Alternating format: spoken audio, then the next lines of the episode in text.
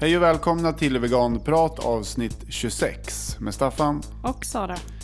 Den här gången blir en intervju med Ulla Troeng från Veganföreningen. Eh, En förening som fyller 40 år nästa år. Vi har också pratat med Djurrättsalliansen om den stora veganutmaningen som pågår nu under maj månad. Mm.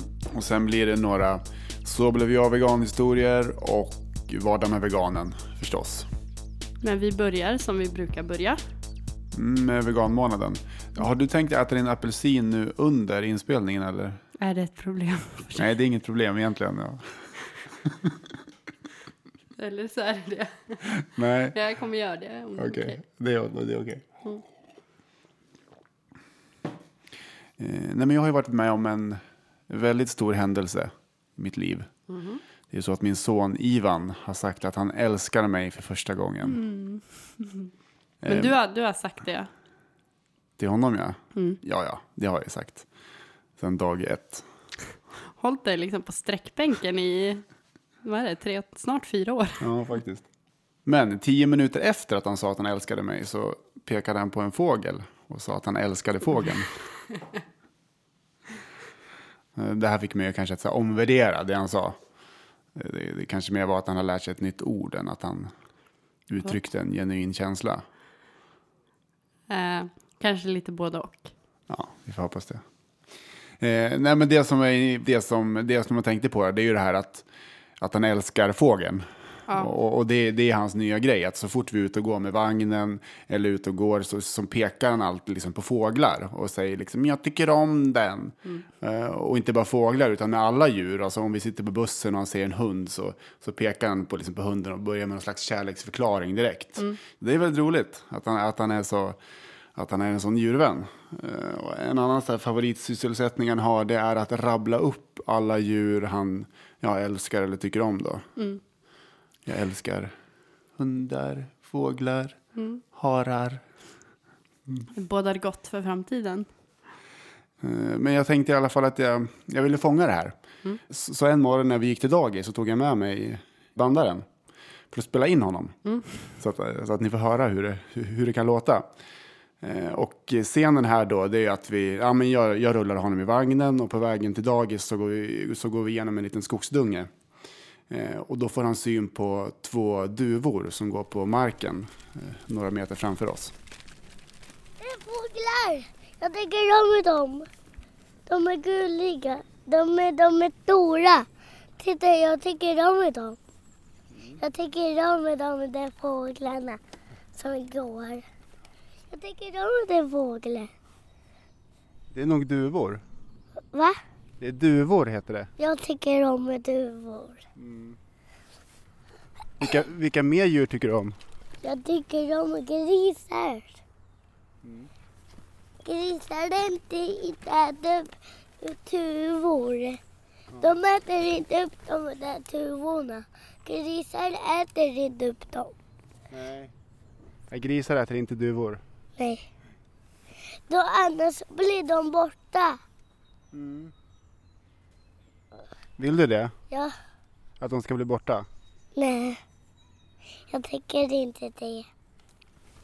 Man tar inte...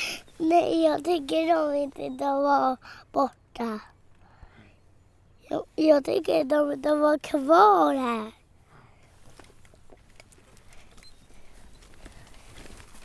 Det är duvorna.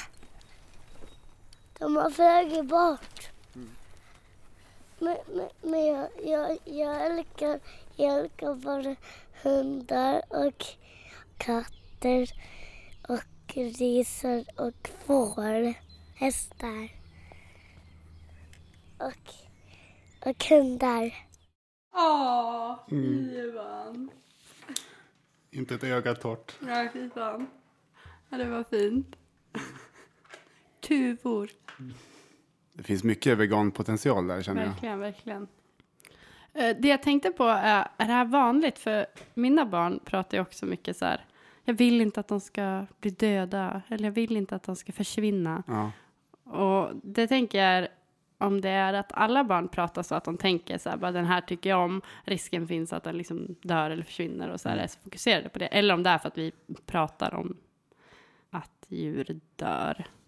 Kanske. För det var väl Ivan som sa det först, det var väl inte du som... Nej, det var, han som, det var han om- som tog upp tråden. Om, om det, är- eller att det kanske är så alla barn liksom. Ja, men är inte det någon sån existentiell grej Jo. där man börjar förstå att djur kan finnas och försvinna och även människor kanske Mm. så småningom. Men det, med, det, det finns det är någonting mer också. Det, det finns ju liksom en, en, en genuin någon form av liksom empati med, med Mm. djuret. Att man, att man känner starkt för det. Mm, nej, det var jättefint. Eh, men hur är det med dina barn? Mm. Hur ser det ut med veganpotentialen? Ska vi jämföra lite då? Det tycker jag. Mm. Ja, Adam som snart fyller tre eh, gillar just för tillfället att döda myror. Ja. Saga eh, eh, håller just nu på att eh, ja, argumentera för att vissa djur kan man äta och vissa djur kan man inte äta och så är det. Mm, Det, här måste du berätta mer om. Vi, vi, vi börjar med Adam, Mm. Myrorna. Ja, alltså Adam, nu när vi börjar vara ute mer, när våren kommer, så kommer ju också massa kryp fram. Och Adam har så här varit så här jättefascinerad av alla former av små kryp, eh, främst myror. Och ja, jag vet inte hur jag ska säga. Han blir jätteglad när han ser en myra och springer fram och är jätteintresserad. Men sen går det ganska snart så, så börjar han liksom försöka ta livet av myran. Gud. Ehm, Men hur då? Att han trycker och sparrar? Ja, han liksom smyger fram med foten eller någon pinne, liksom testar lite grann. Ehm, och eh, det känns ju inte så jävla nice. Jag vet inte, för det har ju stegrats lite det här, för det händer ju varenda gång vi är utomhus. Ehm, och eh, när vi var på förskolan typ förra veckan så eh, Ja, men jag skulle lämna av Adam och så var alla barnen redan ute, så vi gick till gården. Och eh, sen flockades barnen eh, kring ett träd, typ, för det var fullt med myror där. Så jag kollade lite så vad de gjorde och då såg jag typ så alla barn var ju som Adam. Alltså, de tittade och var så här, "Ooh, ooh", och sen så, ja, så var de på myrorna liksom. Och då var det någon förskollärare där som skulle prata om att respektera naturen och sådär. Samtidigt som hon pratade lite med mig och ja, whatever. Eh, och så försökte jag bara, ja men, eh, är det, är det bara, alltså det, det är fler barn som håller på så här. Ja, jo men det är ju så, barn är ju sådär. Eh, och barn kanske är sådär, men det, det känns inte så jävla kul bara. Eh, men jag och Adam pratar ju mycket om det här. Eh, och för grejen är att han, är, alltså han tycker ju om myrorna, det är ju det det är. Men sen är det som att han får nästan tics bara. Men, men det kan ju vara en grej bara att testa, hur, testa gränserna liksom. Det kanske också är någon sån existentiell grej att nu, nu lever myran och om jag trycker till så försvinner den. Att Mm. lära sig liksom liv och död och sådär.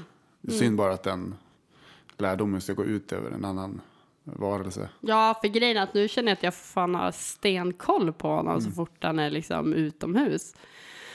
Eh, men Men, men hur, eh, vad, vad säger du till honom då? Hur, hur argumenterar du? ja, jag skulle säga att jag argumenterar väldigt bra. För att det finns en, alltså, det är en grej som funkar på Adam. Liksom, när jag säger bara, men liksom, jag säger du får inte döda myrorna. Du får inte döda några djur när du är ute. Du får titta på dem. Och det är så, men varför? Eh, och då så säger väl, alltså då har vi pratat lite om att eh, myrorna, det är en stor familj. Och om man dödar en myra så kanske han dödar en mammamyra. Och då har inte barnen någon mamma. Och Spela det, familjekortet. ja, jag kör på det. Men den, det funkar på Adam. Eh, för att, ja men då pratar vi om hur det skulle kännas om någon bara dödar mig. Och inte Adam har någon mamma. det låter jättehemskt. Men eh, det är ju alltså, vadå? Nej, det ska inte kännas så bra. Så då håller han sig ifrån myrorna i typ 20 sekunder kanske. Sen börjar det om igen. Men, ja. Det går nog över. Ja. Och sen var det Saga. Mm. Som är fem år. Ja, precis. Saga fyller fem snart. Eh, och Saga är så här, alltså det går så mycket fram och tillbaka. Våra samtal om veganism och djurrätt. Vi tar det ganska lugnt, det är på hennes initiativ när hon vill prata om det så här. Och hon är väldigt fascinerad av att prata om när hon ska bli vegan. Ehm, men hon är också väldigt noga med att understryka att det inte är nu hon ska bli det. Ehm, men ja, hon tycker ju om att prata om, hon så vill ju typ innan hon ska gå och lägga sig så vill hon att jag ska berätta om eh, mjölkindustrin typ. Lämplig godnattsaga. Ja, precis. Men hon är så här väldigt så här, ska säga, sensationslysten. Ja. Nej, nej, det ska jag inte säga. Nej, men, Och, och jag älskar att snacka skit om. ja, snacka skit om barn. Ja. Nej, men det är så här, typ, så här hemskheter, typ. Man ser att hon bara så här, hon får höra sånt. Samtidigt som jag ser att hon... Ja, men det har jag sett. Jag, jag har varit barnvakt någon gång och då vill hon ju bara att man ska berätta hemska historier. Mm. Om spöken och, och såna här saker. Och det, ska vara, det ska vara väldigt läskigt, Mm. men inte för läskigt. Nej, precis. Vilket hon också säger Ja. tydligt. Ja, nej, men så hon tycker om att prata om det. Och det tror jag också att hon lever sig in i det. Just där, ja men barnet som separeras från mamman och sånt där liksom. Ehm, ja, men i alla fall. När hon var tre då så var det som att hon hela tiden bara skulle hålla på och prata om att hon skulle dricka komjölk och äta koglass och liksom. Ja. sådär. Men det har svängt och hon blir mer och mer liksom så här. Eh, ja, mm, djurrättslig i sina tankar. Tills, ja, nu har det kommit jävla bakslag igen. En backlash. Ja. Nej men hon var på en, ehm, med sin förskola så var de och besökte en sån här eh, utemuseum där de har massa, massa djur. Eh, grisar och höns och kaniner och hästar. Eh, som de ja, har där och sen slaktar typ. Mm. Eh, det är ganska vanligt att så här, förskolor besöker det där museet. Ja, men det är stort, Vallby friluftsmuseum. Mm. Det är väldigt populärt. Det är, det är där Ivan har sett eh, grisarna också. Mm. Ja, men eh, hon hade varit där i alla fall. Och så när jag hämtade henne från förskolan så gick vi hem och hon bara jag träffade ett litet föl idag som jag fick klappa på nosen. Uh, nosen är gjort av kött. Uh, Och, och det är min mun med och din mun med. Jag bara såg en liten inledning där. Så jag bara, men ja, jo men det är ju sånt kött som vissa människor äter. Och de sa, eh, nej, man äter inte det köttet. Jag sa, jo, det finns de som äter hästar.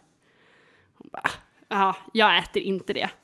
Eh, Men det fanns annat kött där som hängde. Och, och det var ju sånt kött som man ska äta. Alltså kött från kon.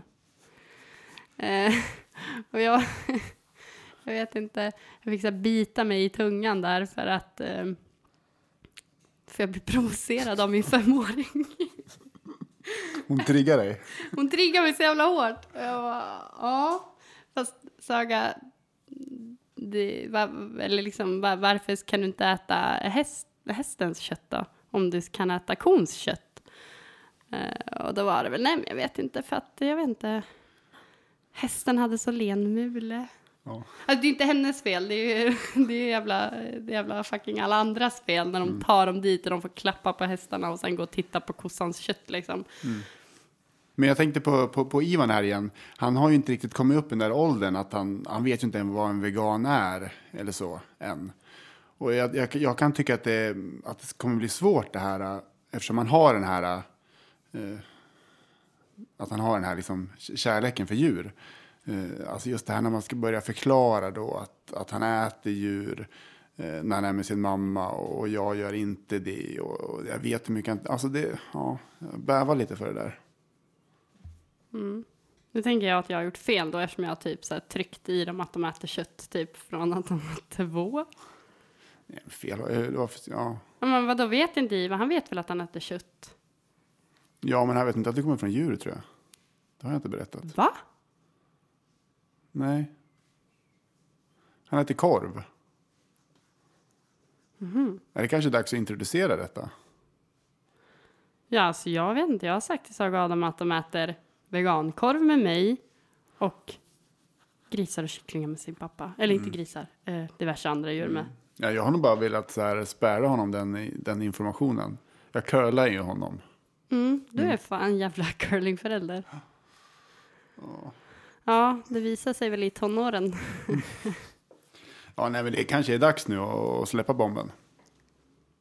Ja, det tycker jag definitivt. Men alltså, det, man får ju vara noga med att inte skuldbelägga, för det är ju inte deras fel. Nej, liksom. nej, Men naturligtvis jag tycker det är, vadå, det är väl konstigt att jag tänkte säga som det. Ja, men faktiskt. Men, eh, men jag tror också att det är så här. Fast det är viktigt då att, att med den andra, den andra mm, vårdnadshavaren liksom är med på tåget lite grann. Ja, vi får ha en diskussion innan att eh, nu Mm. berättar vi det här och varför det är så där och hur man tänker. Nej, men det är ju häftigt ändå tycker jag med, med den här eh, självklara kopplingen som finns mellan barn och djur. I alla fall med Ivan då. du får tala för dina barn. Precis, oempatiska jävlar. Nej, men alltså det är svårt. Är barn empatiska av naturen eller inte och sånt där? Det är svårt att säga. Jag tänker väl mer att så här, ja, barn är ofta empatiska. Det är ett faktum. Och sen vad det kommer ifrån, det kan man ju fundera på. Men sen kan man ju välja om man vill uppmuntra de känslorna eller om man vill liksom trycka tillbaka de känslorna och liksom. Och, och där tänker jag att vi som veganföräldrar har ju all, all chans i världen att verkligen ta hand om den här känslan och, och göda den och så. Verkligen. För jag tänker, alltså men det är ju fan svårt för barn att behålla, alltså det går inte att behålla, om det nu finns någon, som jag också är inne på, alltså någon, ja men att, att barn liksom från början har, ja men har empati för djur, liksom det finns så jävla mycket som tyder på det. Ehm, så blir det svårt att behålla det när, ja men typ, jag vet inte, när de i förskolan får ute på gården höra att det är så viktigt att respektera alla djur och sen så sitter de och äter Ja. deras korvar och köttbullar. Fan, man blir ju knäpp i huvudet. Mm, vi fuckar upp deras små hjärnor. Ja. Dubbla budskap. Jag läste en eh, undersökning häromdagen som jag tyckte var rätt intressant. Det är så att man har då försökt räkna ut hur mycket ett djur är värt i förhållande till en människa. Inte helt eh, lätt kanske. Nej. Eh, alltså det är väl, ja, människor tycker ju olika. Men, men man har ändå då försökt att se vad en genomsnittlig person tycker. Och den här undersökningen den har några år på nacken, den är från 2007. Men jag tror att den är fortfarande är ganska aktuell. Den gjordes i USA då. Och eh, den metod man använde, det var att man ringde upp ett antal personer då och så gav man dem ett påstående. Och så fick de då ta ställning till det här påståendet. Om de håller med eller om de inte håller med. Man sa så här. Om det fanns en maskin som antingen kunde ta bort lidandet från en människa eller lidandet från tio djur inom djurindustrin så borde maskinen användas för att ta bort lidandet från den enda människan. Eh, Det var inte alltid tio djur heller inom djurindustrin. Alltså tricket var ju att de, de sa ett olika antal djur varje gång de ringde upp någon. Så för vissa, de fick välja mellan en människas lidande och ja, tio djur då, men det kunde också vara 100 djur eller 500 djur, 1000, 10 000, 20 000, 100 000, en miljon. Alltså det där påståendet är ju typ, Ja, det blir ju problem för påståendet är ju så himla- det är så, kan man säga att det är ett ledande påstående? Eller liksom att det var en grupp av djur och en människa, jag vet inte, det var bara... Jo, ja, men det, det är väl en svaghet kanske med undersökningen. Att man De har förut... direkt slagit fast att, att värdera lika är uteslutet. Ja, men, ja, just det, man, man, förutsätt, man, man förutsätts att, att ett människa och djur absolut inte är lika mycket värda i, i frågeställningen redan. Och det är sant, det är väl ett problem. Men bortsett från det då. så, så det man kom fram till då att om, om, om talet var väldigt lågt, om det var kanske 10 djur eller 100 djur, eh, då valde ju de allra flesta att, eh, att människans lidande skulle tas bort. Och om talet var väldigt högt, om det var liksom en miljon djur eller hundratusen djur, eh, då tyckte de flesta att djurens lidande skulle tas bort.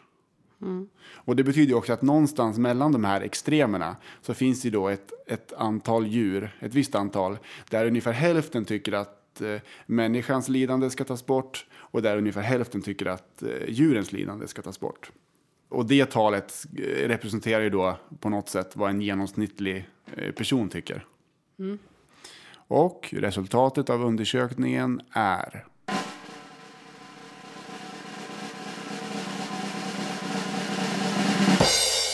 Elva 500. Det är en lite konstig siffra.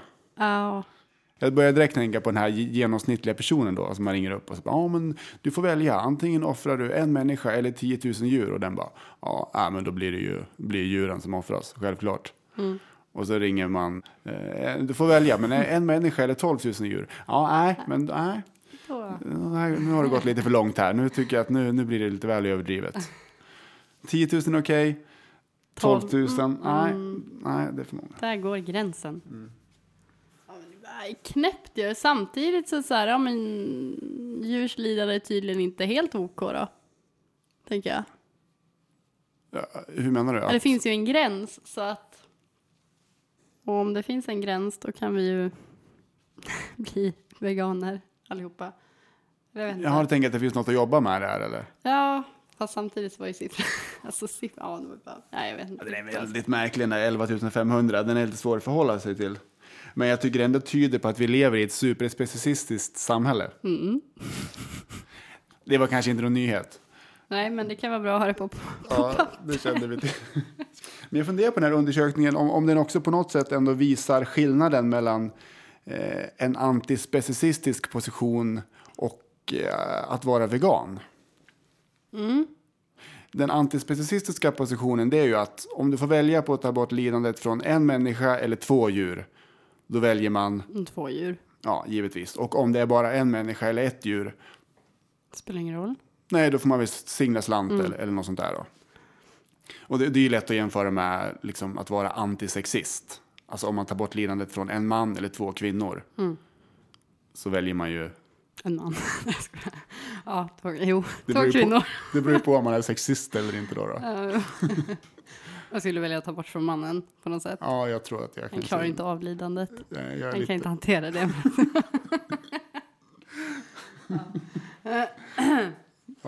Jo men alltså en vegan skulle ju, det finns ju många veganer som bara, som bara ska hålla på att vara specicister också. Mm. Bara så här, alltså jag är vegan men jag tycker ju att människan är mer värd. Eller vad. Så. Mm.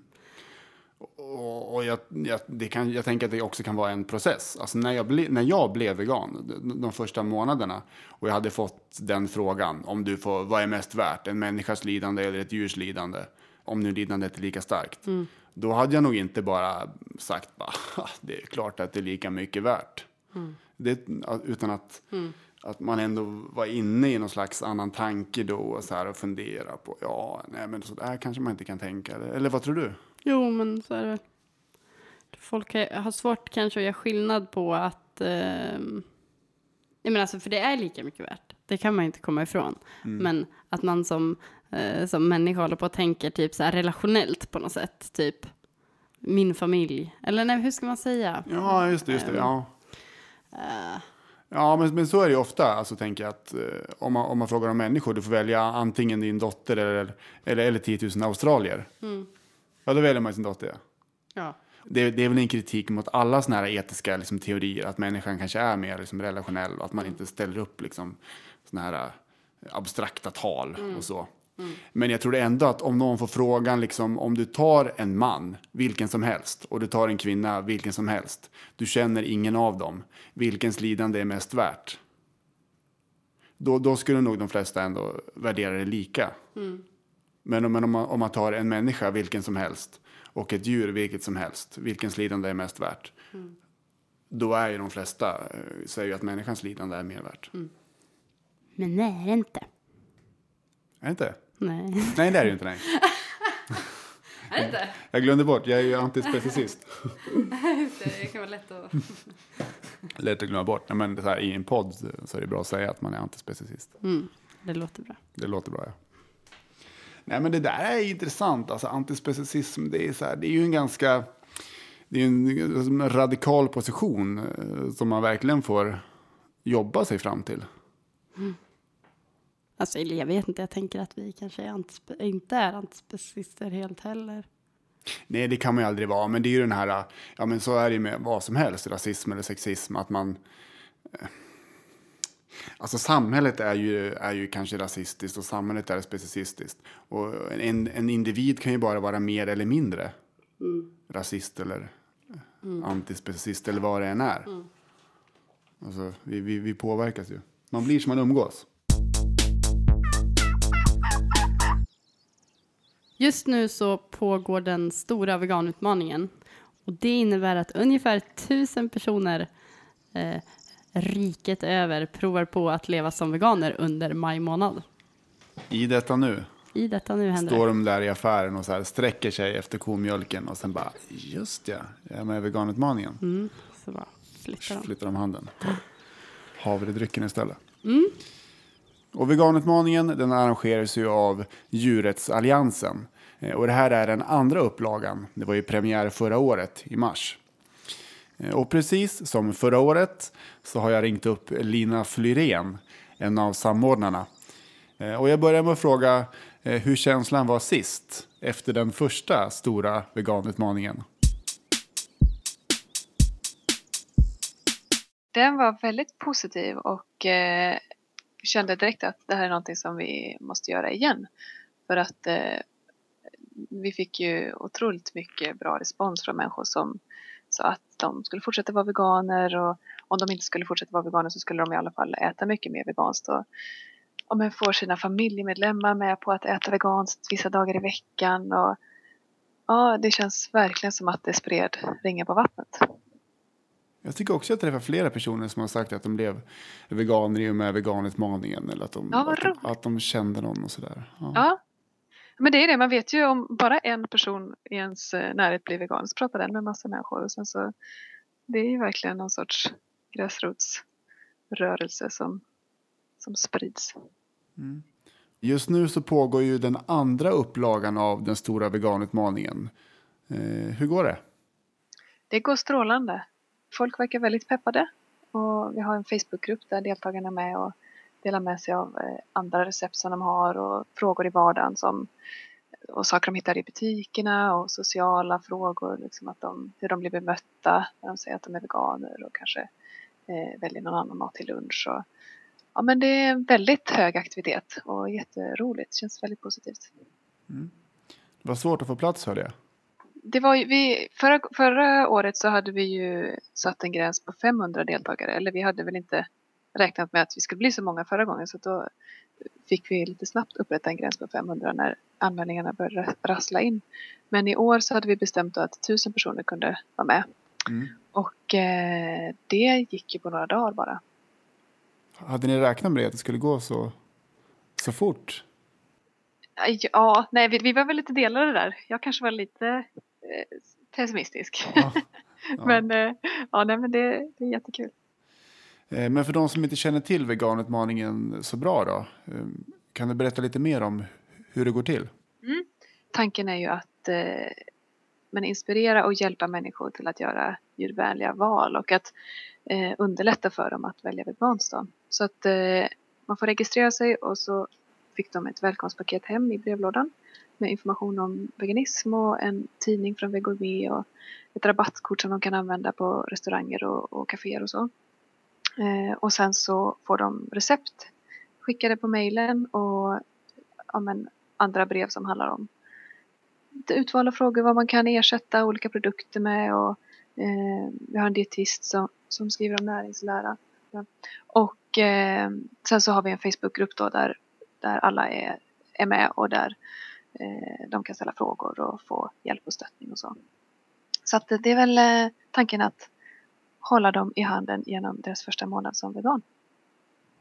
Och vilka är de vanligaste frågorna som ni får? I början är det ju allt ifrån är gäst veganskt till eh, varför är det så mycket palmolja i veganprodukter? Eh, är inte soja farligt för eh, hälsan? Och eh, vad ska man egentligen använda för, kaffe, eh, för mjölk i kaffet för att det inte ska skära sig? Mycket det är liksom högt och lågt. Har ni gjort någonting annorlunda den här gången? Inte så mycket faktiskt, utan det är väl med att vi har varit lite fler som har arrangerat det den här gången och att vi ja, men, har försökt satsa lite mer på Facebookgruppen. Att vi är fler som kan coacha och att försöka verkligen få med alla deltagare där. För att de ska kunna ställa så mycket frågor som möjligt. Att det blir mer interaktivt än att bara vi skickar ut mejl. Och sen att det är fler som är med så att det är ett högre tryck på det hela. Du, du säger att det har gått bra. Vad är det som har gått bra? Är det någonting som har förvånat dig eller som det har blivit ja, något oväntat som har hänt? Nej, men man blir väl alltid förvånad och positivt överraskad över hur engagerade folk är. Och att eh, människor som man kanske inte förväntade sig eh, skulle vara så entusiastiska går in med, med hela sin energi och sin själ. För att det är väldigt många av de deltagarna som, ja, men som åt kött innan de gick med i veganutmaningen. Och ändå att de är så öppna och verkligen vill testa på andra produkter och också öppna för djurets tankarna bakom. Så att, eh, det är väl mer det att, att jag blir väldigt glad över att, att se det och att det ger mycket hopp för framtiden. Ja, det är ju en liten vegan-trend i Sverige just nu kan man ju, eh, kan man ju säga då. Eh, Ja. ja. Vad har du för tankar om den? Nej, jag bara välkomnar den. Mm. jag vet inte, jag tycker det är väl dags liksom att, eh, att men jag tror att synligheten, i, att veganismen är mer synlig, att produkter är mer synliga, att kritiken mot djurindustrin och den djurhållningen som finns och medvetenheten om att vi inte måste utnyttja och döda djur för att leva, att det kanske börjar sippra ner till fler och att det, ja, att det, det börjar ge resultat. Eh, Jag såg att du var ju med på det här panelsamtalet på Vegoforum och pratade om just den här eh, veganvågen. Eh, Mm. Och då sa du i någon passage där att du tyckte att, det var, att det var lite för mycket maränger. Nej, men jag menar mer bara att, att eh, det är ju en politisk rörelse det här, eh, som jag ser det. Och att vi försöker förändra ett sätt att se på djur. Eh, se djur som individer och att och jobba för respekt och empati. Så. Och att eh, det är jättebra med, med allt det här fokuset på mat. Jag tycker verkligen det, det har bara hjälpt vår rörelse. Men att vi får inte glömma det andra och de som vi verkligen kämpar för. Blir det fler veganutmaningar? Det tror jag absolut.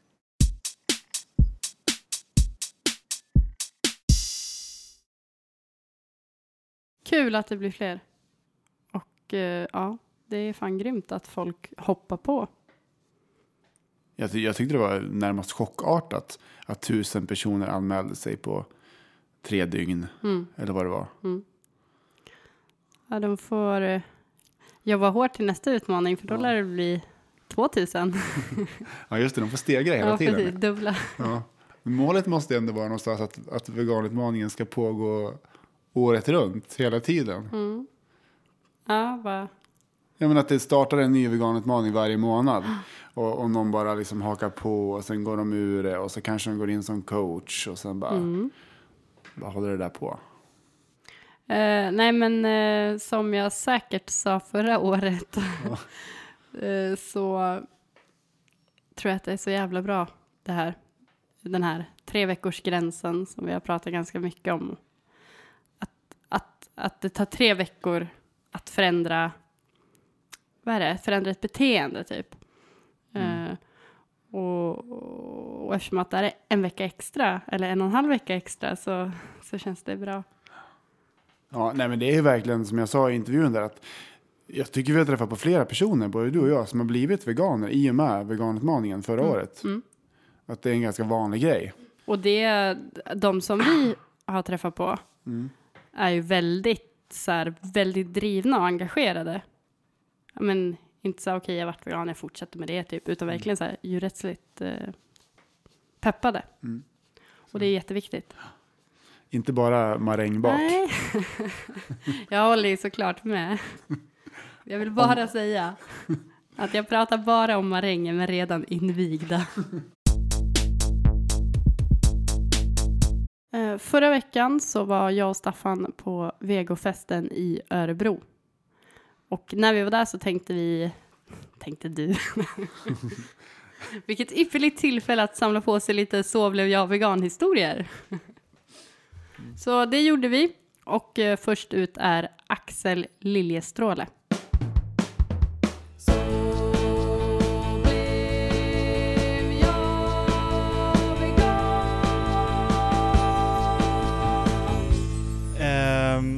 Ja, alltså först och främst blev jag vegetarian. Och det, det skedde när jag var 16. Sen så blev jag vegan två år senare. Och alltså man kan säga så här, det som fick mig att bli vegetarian det var eh, djurskyddsfrågorna. När man helt enkelt såg ja, de här helt enkelt fruktansvärda bilderna på hur eh, grisar hängs upp och ner och ja, allt det där. Men eh, det som fick mig att bli vegan skulle jag säga var verkligen att se sambanden, hur hur, um, vad ska jag säga, jo, hur djurrättsfrågorna hänger ihop med hälsofrågorna, hur det i sin tur hänger ihop med miljöfrågorna och så vidare och så vidare. Och så, vidare.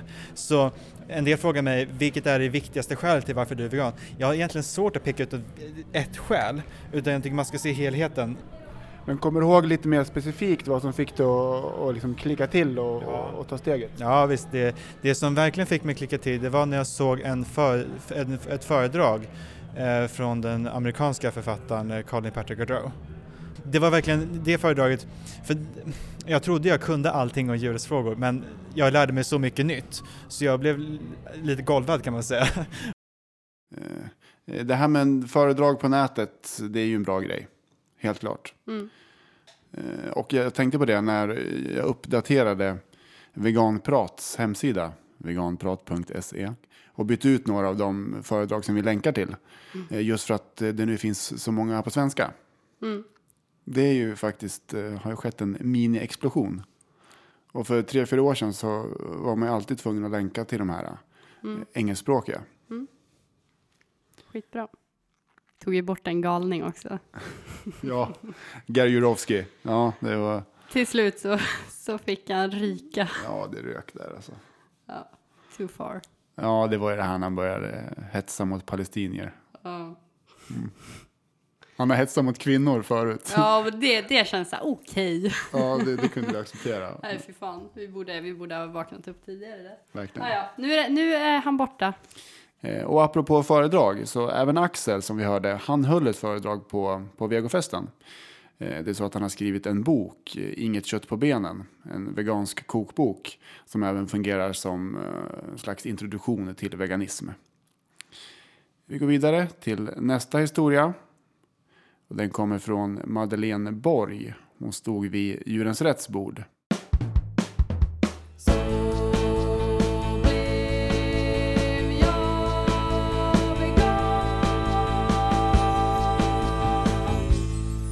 Jag blev vegan för jag var med i veganutmaningen som Djurrättalliansen anordnade i 2014 då.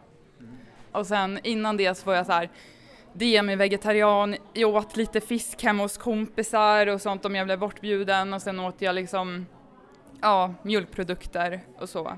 Hur kom det sig att du anmälde dig då till veganutmaningen?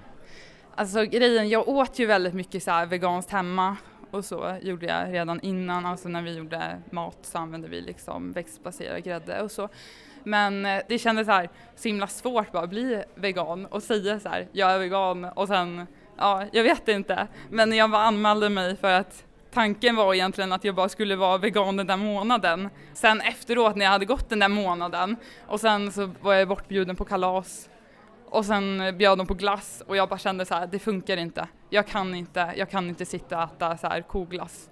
Och det kändes liksom helt rätt att bli, alltså fortsätta vara vegan liksom. Veganutmaningen. Mm. Som av en slump dök den här historien upp. det var faktiskt inte planerat. Det var det inte. Kul är att hon inte trodde att hon inte ville bli vegan. Hon hade svårt att identifiera sig som vegan. Mm. Men eh, när hon började då, liksom, att beteendet kom före tankarna och känslan mm. på något sätt. Så kan det funka ibland. Och det är från Hallstahammar också, Madeleine. Härligt. Härligt. Med lite Hallstamål i podden. Mm. Blandat med Kolbäcksmålet. Mm, precis. Och vi är från Kolbäck. Det ligger väldigt nära Hallstahammar. Hon säger hon sa mjölk med U mjölk. Säger, mm. säger vi också det? Vi säger också mjölk. Ja, mjölk. Och fönster. Fönster. ja, vi skojade lite om det eh, då, på vegofesten. Och då sa hon att hon, brukade, att hon hade sagt rött kött. rött kött. Det är rött kött. rött. Man kan inte ja. säga det på något annat sätt. Rött. Rött. Säger, Nej, nu säger jag rött. Hur säger stockholmarna? Rött kött. Rött kött. låter helt jävla... Ja, det låter helt weird. Det heter rött kött. Rött kött och mjölk. Ja. Ja, Ja, skönt att folk pratar lite vettigt i alla fall i den här podden. vet att dialekter försvinner ju. Mer och mer. Varför, I och med internet. Nej, eller varför då? då? Eller för att... Jo, ja. Det alltså... Ja, vi, vi hör, vi, allt blandas och smälts samman till något. Så att det är inte lika tydligt längre med dialekter. Mm. Och det kommer typ försvinna mer och mer. Tråkigt. Särskilt med tanke på Hallstamål och Kolbäcksmål. Mm. Och sist ut är vår Västerås veganpoddkollega Dan Färna. Som ju gör podden Vegan för fan.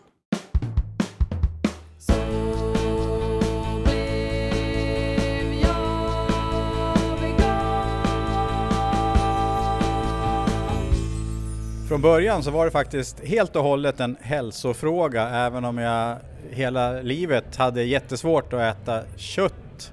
Jag vet inte, jag kunde aldrig äta bara kött. Det skulle alltid på lingon eller det skulle vävas in i potatismos eller någonting. Så jag förstod inte riktigt vad det var. Men sen kom den här hälsogrejen. och Jag gick väl i ettan i gymnasiet eller om det var slutet på högstadiet. Eh, Då fick jag magkatarr och eh, testade sluta med ena och det andra men sen fick jag tipset bör, bli vegetarian och då testade jag det och blev frisk och det var helt fantastiskt. Eh, Och i början så tänkte jag men alla som inte äter mjölk och ägg också, oj de måste ju ha det riktigt jobbigt. Men sen efter två år då kände jag bara det var, varför äter jag mjölk och ägg? Det känns ju helt onaturligt och då blev jag vegan. Och eh, det första som hände, eller under första ett och ett halvt åren, det var att jag gick upp 23 kilo som vegan och jag var otroligt smal som vegetarian men när jag började liksom titta mer på kosten och äta nötter och baljväxter ordentligt och så då rättade kroppen till sig och jag blev helt som jag skulle då vara i vikten. Så det var en häftig bieffekt av veganismen. De etiska bitarna, har de kommit på vägen sen då? Ja, de kom faktiskt ganska snabbt. Man börjar ju liksom fundera och eh, så. Så att det blev nästan den största saken efter några år. Liksom. Det var etiken, moralen och sen kom miljön. Alltså alla bitar föll på plats. Så nu är det liksom en helhet. Och jag tror det är så man ska tänka. Man ska inte bara gå in för att prata hälsa eller bara miljö eller bara etik utan ta helheten. Då känns det mycket, mycket bättre. Det där kan inte stå oemotsagt alltså. Det kan det inte ja. Jag tycker att Dan ändå uppmuntrar till... Till vidare diskussion. Ja. Eller nej, det är det han inte gör. nej, så. Eller vad, vad tänker du? Att, Jo, men det här med helheten. Det, det hör ni ganska mycket om. Och, alltså jag förstår också att veganism eller en vegetabilisk kost är bra för miljön och för hälsan. Jag börjar köpa det mer och mer. Eller jag alltid, ja, ja, framförallt miljöperspektivet. ja, miljöperspektivet definitivt. Hälso, ja, där känner jag, mm, hälsos, jo, alltså leva hälsosamt är såklart bra för alla. Tolkar jag dig rätt som att du tycker att det ska vara mer fokus på etik snarare än miljö och hälsa? Ja. Nej, miljön också. Alltså, okej, miljön. Jag tycker att miljön är viktig. Ja, men miljön, det är klart den är det. Och den blir viktig, särskilt om man tar in de icke-mänskliga djuren. Hur, hur miljön liksom påverkar dem. Och inte bara hur den påverkar oss människor. Absolut. Och eh, jag känner ju att jag är eh, glad att, eh, eftersom att jag enbart blev vegan på grund av eh, etiska skäl, så är ju, det känns ju positivt att det också är det bästa för miljön eh, och eh, hälsan. Ja, att man ser det mer som bonuseffekter. Ja. Snarare än en, en treenighet. Mm, jo, för att jag tycker att det är svårt att säga att det är då den här treenigheten när den ena biten liksom står för så jävla mycket skit. Alltså, för det, det, är, det är värst. Vadå skit? Eller alltså inte skit, alltså, alltså djurutnyttjande tänker jag, eller djur att Ja, vi, alltså jag har svårt att jämföra, alltså jag har svårt att säga typ att det är så här, väger lika tungt, typ Mm. så här, att eh, djuret och eh, typ hälsa, nej, det går inte, det går inte. Nej. Jag ska, jag, för mig så bara känns det så här, det känns weird att prata om hälsa, eller jag vet Mm. inte. Nej, okej, jag ska inte, jag ska inte säga mer. Ja, det får du göra. Ja. Ja, men jag, bara, mm, jag försöker förstå, för eftersom att det är ju många som pratar om helheten. Men har det inte med att göra hur man blir vegan då? Alltså både alltså som Dan som blev vegan väldigt mycket tack vare hälsospåret. Att, nej. För att jag tänker att Dan inte blev det, alltså det var en ursäkt. Hälsogrejen var bara en ursäkt, för Dan sa ju också att han hela sitt liv har haft problem, har fått lov att dölja köttet. Ja, det är sant. Ja. Vi har genomskådat det idag. En jävla djurrättare rakt igenom har varit det sedan den dag du föddes. Gotcha! Ja, det, är kul att den har kommit igång igen med poddandet. Eh, men det dök upp något eh, avsnitt bara förra veckan. Så det är Skitkul. superskoj. Det har ju varit helt tyst i, i ett halvår typ. Jag trodde att eh, jag nästan hade lagt ner podden. Men så var det inte. Nej, Så vi sn- snackade lite där på vegofesten och eh, nu, är han igång igen. vi vart ju även intervjuade. Just det. Det måste vi, måste vi säga. Vi intervjuade varandra. Eh, Så lyssna gärna på nästa avsnitt av Vegan för fan. Mm. Och alla andra avsnitt om ni inte har lyssnat. Då har det blivit dags för Vardag med veganen. Programpunkten där vi visar att veganer är helt vanliga människor. Veganen. Del 22. Veganen spelar kort.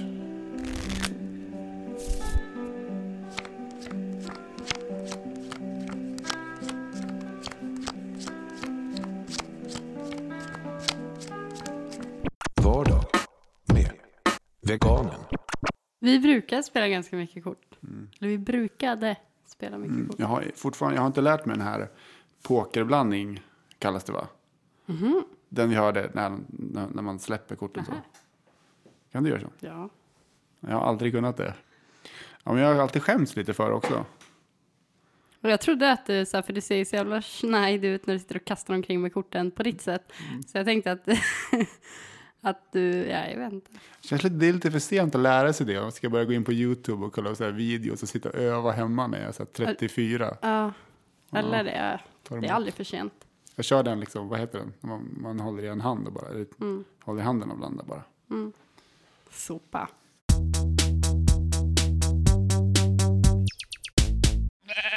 När vi var på vegofesten så passade vi även på att intervjua en av våra stora djurrättsidoler, Ulla Troeng från veganföreningen i Sverige. Eh, Hon är ju en av pionjärerna inom den svenska veganrörelsen. Hon var med och bildade veganföreningen eh, 1976. Eh, Och det innebär ju då att nästa år fyller veganföreningen 40 år. Då blir det fest. Och Ulla har ju varit med i podden tidigare.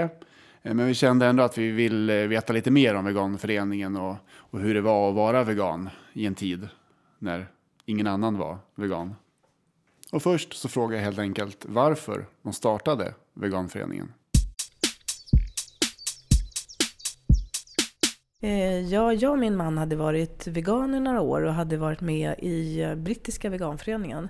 Och sen tänkte vi att det kanske finns någon mer människa i Sverige som är med på det sättet. Så vi kontaktade dem och så fick vi tips om att det fanns en till medlem. Och hon bodde ganska nära oss så då ringde vi upp henne och frågade om vi inte skulle träffas.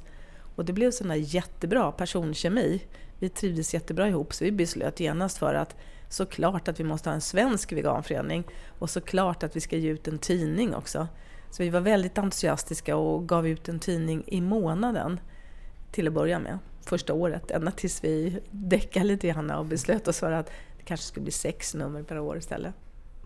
Det här var ju alltså 1976. Hur var synen på veganism och veganer då? Ja, ingen visste någonting egentligen. Det kändes som att vi var de tre enda veganerna i landet. Och eh, eftersom min, eh, min äldsta son föddes ju det året på våren eh, så var ju vi helt inställda på att han skulle växa upp på vegankost också. Och det var ju inte någon någonstans som förstod vad vi höll på med kan man säga.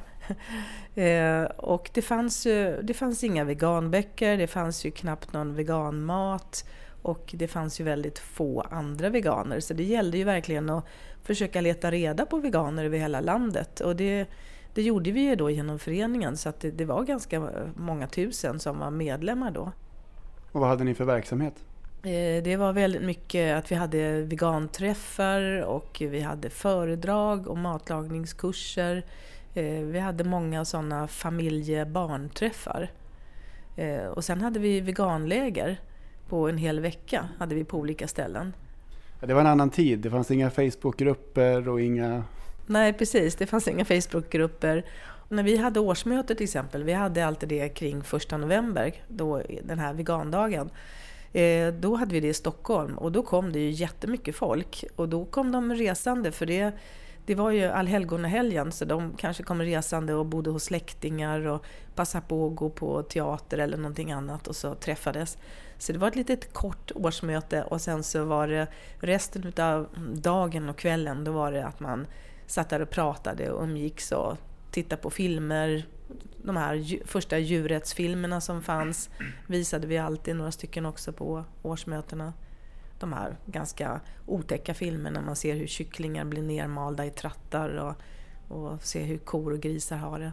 Så det var ju många som tyckte att det var jätteläskigt. Varför skulle vi visa det på, på ett möte? Alla de som var där visste ju vad otäckt det var. Och ja, ville, en del ville inte se det där och andra tyckte att det var ju jättebra, nu ska vi peppa varandra. Men hur kändes det då när ni drog igång där? Vad hade ni för liksom framtidsvision? Tänkte ni att ja, ja, så här kommer det säkert att bli och fler och fler kommer haka på och samhället kommer att ställa om? Eller tänkte ni att det här kommer gå väldigt trögt och ta lång tid? Ja. Jag tror vi var väldigt optimistiska. Snart ska alla förstå eh, vårt budskap och hela vårt land ska bli veganskt. Och, ja, vi såg det så visionärt. Det har ju hänt mycket sedan dess. Eh, hur har eh, synen på veganer förändrats över tid? Jag tror den första synen på veganer var att eh, det var lite mossigt sådär. Att det var folk som gick i ja, sandaler och kortbyxor och verkade allmänt hurtfriska och tog kalla avrivningar. Lite på det sättet. Och sen kom ju en sån där djurrättsvåg.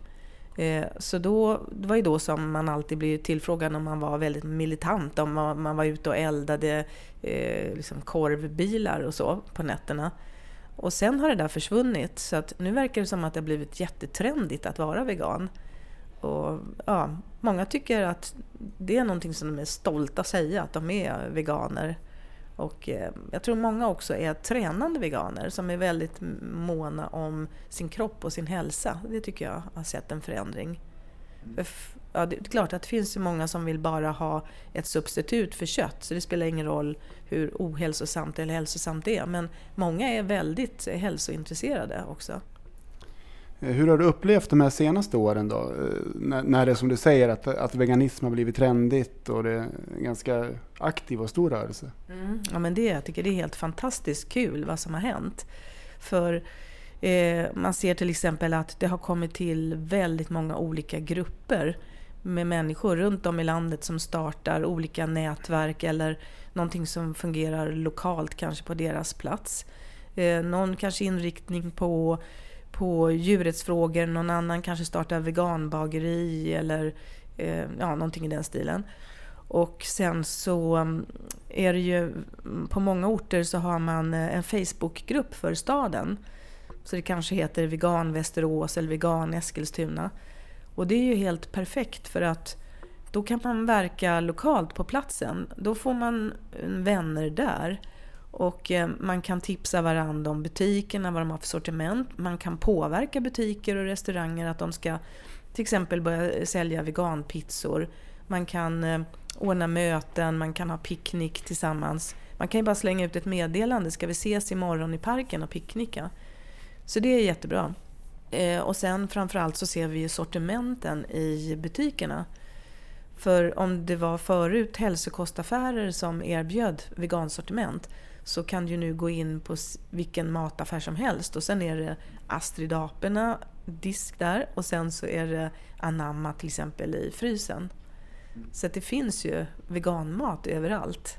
Förut så kändes det som att man nästan måste åka till en annan planet för att hitta sin veganmat. Ja, bunkra någonstans, liksom åka till Stockholm eller Malmö och så och bunkra mat. Det var en annan workshop här idag på, på Vegofesten eh, som Martin Smedjeback höll och den hette Lär dig prata med köttätare. Eh, har du något tips där? Hur, hur pratar man med köttätare om veganism? Ja, det är inte så lätt. Eh, för att köttätare gillar ju inte att man, man pratar, ifrågasätter det som de äter. Utan jag tror att man måste låta dem smaka på maten och sen på något sätt starta därifrån. För att börjar man prata om, eh, ja har du tänkt på vilket lidande du eh, bidrar till eller vet om att det här är ett levande djur som nyss sprang omkring och hoppade. Jag tycker min erfarenhet är att folk bara blir uppretade och hamnar i försvarsinställning. Men däremot om man bjuder dem på maten eller kanske ja, skämtar så lite med dem också, lite humor så här tror jag på. Men däremot så tror jag på att eh, till exempel att kanske TV slänger ut en, en film som, som handlar om eh, ja, kycklingarna, det här som kycklingar mals ner levande eller vad som händer i grisfabriken eller så. Lite så här chockverkan för då, då verkar det alltid vara folk som sitter och gråter och bestämmer att de ska, att de ska låta bli att äta kött. Och jag läste om en sån där studie i Holland där de hade plockat, eh, till ett slakteri hade de plockat ett helt eh, jättegäng med studenter från universitetet som fick gå igenom där och se vad som hände. Och sen så när de kom ut sen så blev de erbjudna kött. Och det var ingen som ville äta det efteråt. Så samtidigt som, som det kan vara svårt att liksom, argumentera med folk bara för att de hamnar i försvarsställning så måste man också utsätta dem för fakta om vad som verkligen sker. Ja, men det är sant. Ja, det gäller väl att nå fram då, som du säger, få ut det på tv och synas mer och mer och, och veganism blir det mer och mer. Men en annan trend i samhället är ju att det blir mera, eh, vad ska man säga, människor väljer sina egna kanaler. Man har, sina egna Facebookflöden där, där man kanske eh, där ens egna politiska världsbild eh, bekräftas hela tiden. Man tittar mindre på TV. Så att en bieffekt av att det blir fler medier är ju att det blir mer fragmentiserat också. Har du något tanke om det? Hur man kan nå fram till bredare grupper? Ja, det är ju svårt för att, eh, om, som du säger det här med TV, för inte så länge sedan så var det ju ungefär ett och samma TV-program som alla satt och tittade på och sen när man sågs på arbetsplatser eller i skolan, ja, då pratar man om det programmet. Men nu kan man ju sitta på en arbetsplats och så berättar någon om någon film eller något debattprogram som ingen annan har sett. Så att eh, den vägen kan det ju vara svårt. Eh, så man kanske måste mer ut på stan och bara ställa sig någonstans och eh, låta folk smaka på någonting och sen så ha med ett eh, receptblad eller något papper och som folk får i handen och ha en liten pratstund med dem och så får de en tankeställare.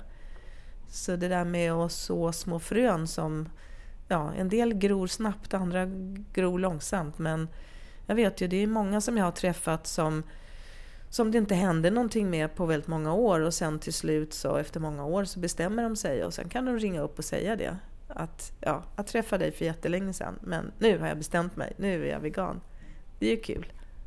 Det sorgliga är ju att vi är sådana gruppvarelser så att vi hamnar i det där flockbeteendet. Så att det är som om alla andra springer iväg för att kriga så ja, då hänger folk på. Och ska alla käka kött, ja men då gör ju folk det. Det finns ju folk som säger att de är vegetarianer och sen när de ska ut med arbetskompisarna så sitter de och äter någon kött eller fiskrätt. Bara för att de inte vill utsätta sig för det där pinsamma att, att de skulle vara någon annan som inte är lik alla de andra där på arbetsplatsen. Så folk är ju väldigt rädda för att vara utanför utan vill vara med i gänget sådär, precis som tonåringar. Mm. Men det positiva med det, det borde ju vara då att om fler och fler blir veganer och man kommer upp i någon slags kritisk massa, att det då kan gå ganska fort då? Jag tror det. Det är precis som den där boken som kom för många år sedan om den hundrade apan. Eh, det var ju ett antal apor som bodde på ett ställe i Japan. Och sen så var det några apor som började gå ner och tvätta maten innan de skulle äta det. De traskade ner till floden och tvättade. Och så blev det fler och fler apor som gjorde det. Och sen den forskare då som ja, påstod att det här stämde eh, och som skrev boken, han skrev ju att när det var den hundrade apan gjorde det, då plötsligt så gjorde alla det, hade tagit efter det beteendet. Så jag vet inte om det är sant eller inte, men det är en ganska bra tanke att tänka på att nu börjar hundrade apan-effekten välla över oss. Eh, Och nästa år som sagt så fyller ju veganföreningen 40 år. Eh, Det känns som att vid sådana här jubileer så, så kanske man tänker tillbaka och ser vad har vi gjort och hur ser, hur ser föreningens historia ut och vart ska vi och ja, vad, vad har du för tankar om med föreningen? Jo, jag tänker att vi har nog uppnått ganska mycket egentligen utav det som vi hade en tanke om att vi skulle åstadkomma. Vi tycker att eh, ja, det har hänt så mycket på alla möjliga plan och vi tror att nu är den där hundrade apan-effekten igång. Så att, eh, ja, vi tycker att, eh, att eh, vi har lyckats ganska så bra med det. Men vi tänker förstås hitta på något kul nästa år. Vad det blir för någonting, det vet vi inte riktigt än, men någonting i alla fall. Ja. En bok kanske? Kanske det blir en bok, ja. ja. Eller någon fest. Fest är alltid kul.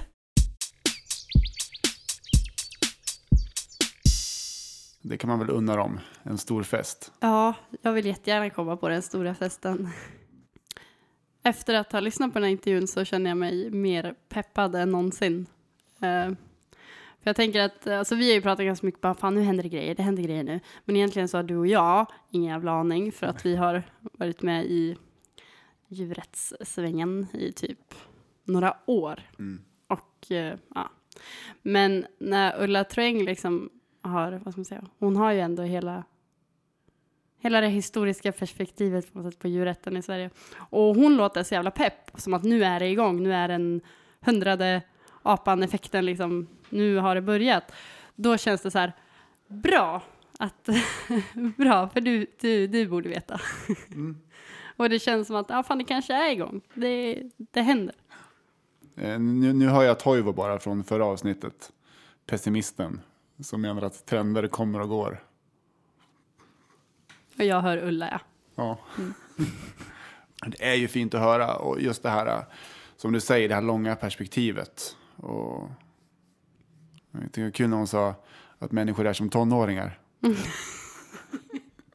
är sånt man bara kan säga när man är lite äldre. Ja. Men det är ju sant. Vi springer åt samma håll allihop. Ja, Jag tänkte, det är lite som den här, eh, vad säger man, memen, eller memmen. Mm, ja. Eh, vänta, hur är det nu? Eh, vegans are like adults. Eh, at first you hate them, but then you become one and realize that they were right all along. Det är inte någon annan som är typ så här. Eh, eh, vi är inte konstiga. Vi, vi kommer bara från framtiden. Så ja, så är det. Eh, talande också med undersökningen med studenterna som fick vara på ett slakteri. Mm. Eh, och efteråt ville ingen äta kött. Mm. Jag tänkte direkt om man kunde göra eh, samma undersökning fast man går igenom ett växthus eh, där man odlar tomater. Mm. Och så tar man ett gäng studenter som går igenom det.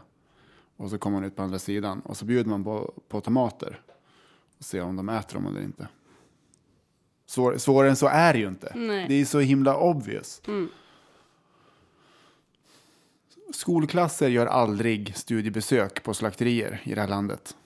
Nej, vi åker och tittar på, på utsläpp och grejer. Mm. Det är vad vi gör. Mm, det är ingen slump. Hörde, är fucking så jävla irriterad. Vad fan är grejen med det där? Okej, så här, åk inte till slakterier, men åk för fan inte till koutsläpp med barnen. Helt jävla stört är det. jag hörde om någon kompis som har varit på det, och sånt där koutsläpp. Men jag var på det. Har du varit på det? Jag gick i lekis. Jaha, hur var det då? Nej, så då tyckte jag det var nice. Har det funnits så länge? Jag trodde det var en ganska ny grej. Nej, nej, nej. nej. Nej. Men, men vad, vi var på Arla och fick varsitt glas mjölk. Sen, nej, fy fan alltså. Nej men som sagt, jag har träffat, pratat med någon som har varit på det nu i år, då, en vegan som var där och filmade lite. Eh, ja men just det, liksom, hysterin kring det, att det var liksom flera tusen människor och att som alla var där och delade ut saker och barnen flockades runt djuren och alltså det är sån himla... Det borde fan vara, det, det ska ju för fan inte vara tillåtet. Mm, ja men det är den där vanliga vegansägningen. Eh, ingen bjuder in till den stora koinstängningen Nej. i höst. Eh, lätt att bli upprörd. Va? Lätt att bli Ja, det är upprörd. lätt att bli det. Undrar om man blir mindre upprörd med åren. Ja, men jag tänker som, ja, som Ulla, Ulla som har varit med så länge då. Kan inte hetsa upp sig över varje... Mm. Vad tror du? Kommer kommer det att gå ner? Alltså, jag tror att jag alltid kommer bli upprörd, men att jag kanske blir upprörd på rätt saker ju äldre jag blir, eller vad man ska säga. Ja, men det är sant. Det är en bra poäng. Ja. Mm. Man, man, Sluta fara åt alla håll, ja, man, man, man slösar inte med, med Mm. ilskan. kanske. Men eh, vi ska vara glada att eh, veganföreningen startades 1976, tror jag. Ja, de har gjort ett, ett otroligt arbete. Mm. Bana väg. Vad sa du? Banat väg! Happy birthday to you. Happy birthday to you. Ha den äran! Grattis Sara. Maj månad 2015. Vi fyller två år med veganprat. Jag var ju tveksam till att ha med den här Ja, programpunkten. jag förstår inte varför. Nej, men eh, jag lämnar över bollen ja, till det dig är här. mycket för jubileum och sånt där. Fyra saker. Ja, fyra så. Ja, eh, i typ den här, vi, vi började i maj 2013 Mm. och det har gått jättefort och nu eh, fyller vi två. Vill du säga någonting? Nej, jag tycker sånt här är jättesvårt. Mm. Jag kan säga någonting. Ja, men gör det. Mm. Mm. Eh, jag är sjukt glad att vi började podda. Eh, och det här har jag säkert också sagt förut, men eh, tack vare det så har vi kommit i kontakt med eh, så jävla grymma människor som har eh, hjälpt oss att få ordning på oss själva lite grann. Och ja, men då menar jag ju, jag menar ju lyssnare och folk vi har intervjuat, eh, mejl vi har fått, eh, bara, ja, eh, Ja, vi, är väl mer, alltså, vi, är, vi är väl mer peppade än någonsin på att fortsätta också. Jo. Ja. Och det känns som folk fortsätter att lyssna också. Mm. Eh, Jag, jag har alltid liksom befarat den där dagen när, när liksom siffrorna ska börja vända. Mm. När, det inte, när det inte tillkommer lyssnare, utan när lyssnare liksom... när det går ner när det går istället ner upp. istället. Ja. Vi är inte där än. Mm. Ska vi se något mer om veganprat? Framtidsplaner? Ska vi expandera? Nej. Ska vi bli en YouTube-kanal? vi ta in fler gäster, sända oftare? Äh, Vi har inte haft så mycket tankar. Vi, vi, vi tänker vi, vi, vi fortsätter på i samma stil bara. Mm. Ett avsnitt i månaden. Och, Ja, alltså vi har ju, det har kommit till vår kännedom att eh, vissa skulle vilja ha avsnitt lite oftare. mm. ja, vi har väl inte tid, vi har inte tid Nej. och möjlighet riktigt till det, Nej. tyvärr. Det hade varit roligt. Mm. Det var det det. Eh, Ännu ett avsnitt Ja. att lägga i arkivet. Eh, I vanlig ordning får ni gärna skicka ett mejl till Kontakt snabel a veganprat.se Eller så kan man göra som eh, Pelle Strindlund och lämna en kommentar. veganprat.se Mm, det uppskattas jävla hårt. Och nu har Pelle varit här, väldigt konsekvent i sitt kommentarslämnande. Och eh, ja, Jag kommenterar varje avsnitt, va? de senaste sju, åtta avsnitten. mm, och ja, som sagt, sjukt uppskattat är det.